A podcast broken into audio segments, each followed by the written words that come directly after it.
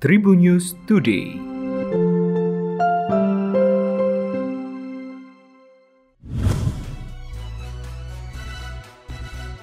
Halo Tribuners, berjumpa kembali bersama Memes. Memes akan berbagi informasi untuk kamu dimulai dari berita nasional,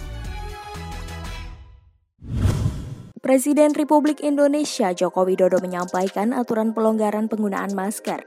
Jokowi memutuskan untuk melonggarkan kebijakan pemakaian masker. Hal tersebut ditegaskan Jokowi dalam konferensi pers terkait pelonggaran penggunaan masker di Istana Kepresidenan Bogor, Jawa Barat pada Selasa 17 Mei. Kebijakan ini berlaku jika masyarakat sedang beraktivitas di luar ruangan atau area terbuka yang tidak padat orang, maka diperbolehkan untuk tidak menggunakan masker. Namun untuk kegiatan di ruangan tertutup dan transportasi publik tetap harus menggunakan masker. Selain itu, Jokowi menyampaikan pula bagi masyarakat yang masuk kategori rentan seperti lanjut usia atau memiliki penyakit komorbid, Jokowi menyarankan untuk tetap menggunakan masker saat beraktivitas. Kemudian, kata Jokowi, masker tetap dipakai jika mengalami gejala batuk dan pilek ketika melakukan aktivitas. Selanjutnya berita regional Tribuners. Siapa pelaku pembunuhan Juju Juwaria, janda beranak dua yang ditemukan tewas dengan luka gorok di leher masih misterius. Ada sejumlah luka tusuk di dada serta tangan Juju saat ditemukan tak bernyawa di ruko miliknya di Kampung Godebak, Desa Tanjung Kerta, Kecamatan Parageung, Kabupaten Tasikmalaya pada Selasa 17 Mei pagi. Dilansir dari Tribun Jabar, Juju meregang nyawa saat masih menggunakan pakaian necis. Ketua wilayah Odin menuturkan korban memang orang yang supel dalam bergaul termasuk bergaul baik dengan tetangga. Odin mengaku mendapat laporan warga terkait kejadian itu dan segera menuju ruko korban yang berada di pinggir jalan raya Panjalu Ciawi via Pagar Agung. Saat itu Odin melihat kondisi korban sudah tak bergerak lagi dengan luka gorok di leher, beberapa tusukan di dada serta tangan. Jasad korban pertama kali ditemukan Galih, keponakan korban. Galih pun syok melihat pemandangan mengenaskan. Leher korban mendapat luka gorok serta sejumlah luka tusuk di dada dan tangan. Ia pun segera memberitahu Nining, perempuan yang biasa bantu-bantu di toko dan melaporkan kejadian itu ke warga. Selanjutnya berita selebriti Tribuners. Aktris Wanda Hamidah dipolisikan mantan suaminya Daniel Patrick Scott Hadi.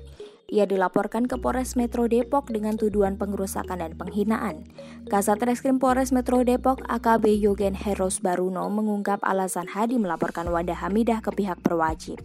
Menurut Yogen, terlapor Wanda sudah janjian dengan Daniel mengembalikan hak asuh anak mereka, Malakai Ali School pada Minggu 15 Mei malam. Namun ternyata saat Daniel mengantarkan Malaka, Wanda tidak ada di rumah hingga akhirnya anaknya dibawa pulang kembali. Karena sang anak dibawa pulang kembali oleh ayahnya, Wanda Hamidah pun akhirnya menyusul ke rumah Daniel. Lalu di rumah Daniel di kawasan Cinere, Depok, inilah Wanda diduga melakukan pengurusan dan penghinaan.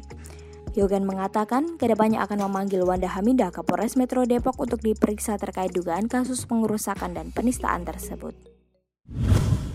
Berita terakhir dari olahraga Tribuners. Pebulu tangkis putri Indonesia, Gregoria Mariska Tanjung kalah secara mengejutkan dari wakil Vietnam di SEA Games 2022 pada Selasa 17 Mei.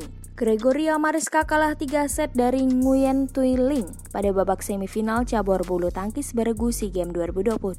Pebulu tangkis yang akrab disapa Georgie ini kalah dengan skor 21-14, 17-21, dan 16-21.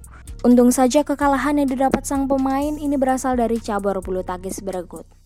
Itu membuatnya tak otomatis gugur setelah mengalami kekalahan tersebut. Untungnya lagi, wakil-wakil merah putih lainnya yang turun di babak selanjutnya berhasil meraih kemenangan. Indonesia pun menang atas Vietnam dengan agregat 3-1 pada semifinal SEA Games 2022 kali ini. Georgie sebenarnya mengalami start yang baik saat menghadapi Nguyen Thuy Ling ini. Kemenangan 21-14 menjadi bukti tersebut. Namun situasi berubah drastis saat laga memasuki set kedua. Ia tampil di bawah tekanan lawan dan terus terbawa permainan Nguyen. Itu membuat gaya permainan Georgie tak keluar dengan maksimal. Ia pun kalah dengan skor 17-21.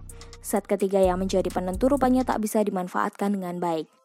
Gregoria Mariska tetap tampil di bawah bayang-bayang Nguyen. Menanggapi hal ini, Gregoria mengakui masih belum dalam mentalitas yang tepat dalam menyongsong laga di SEA Games 2022. Demikian tadi empat informasi terkini yang menarik untuk kamu ketahui. Jangan lupa untuk terus mendengarkan Tribun News Today hanya di Tribun News Podcast Spotify dan YouTube channel tribunnews.com. Memes pamit, sampai jumpa. Tribun News Today.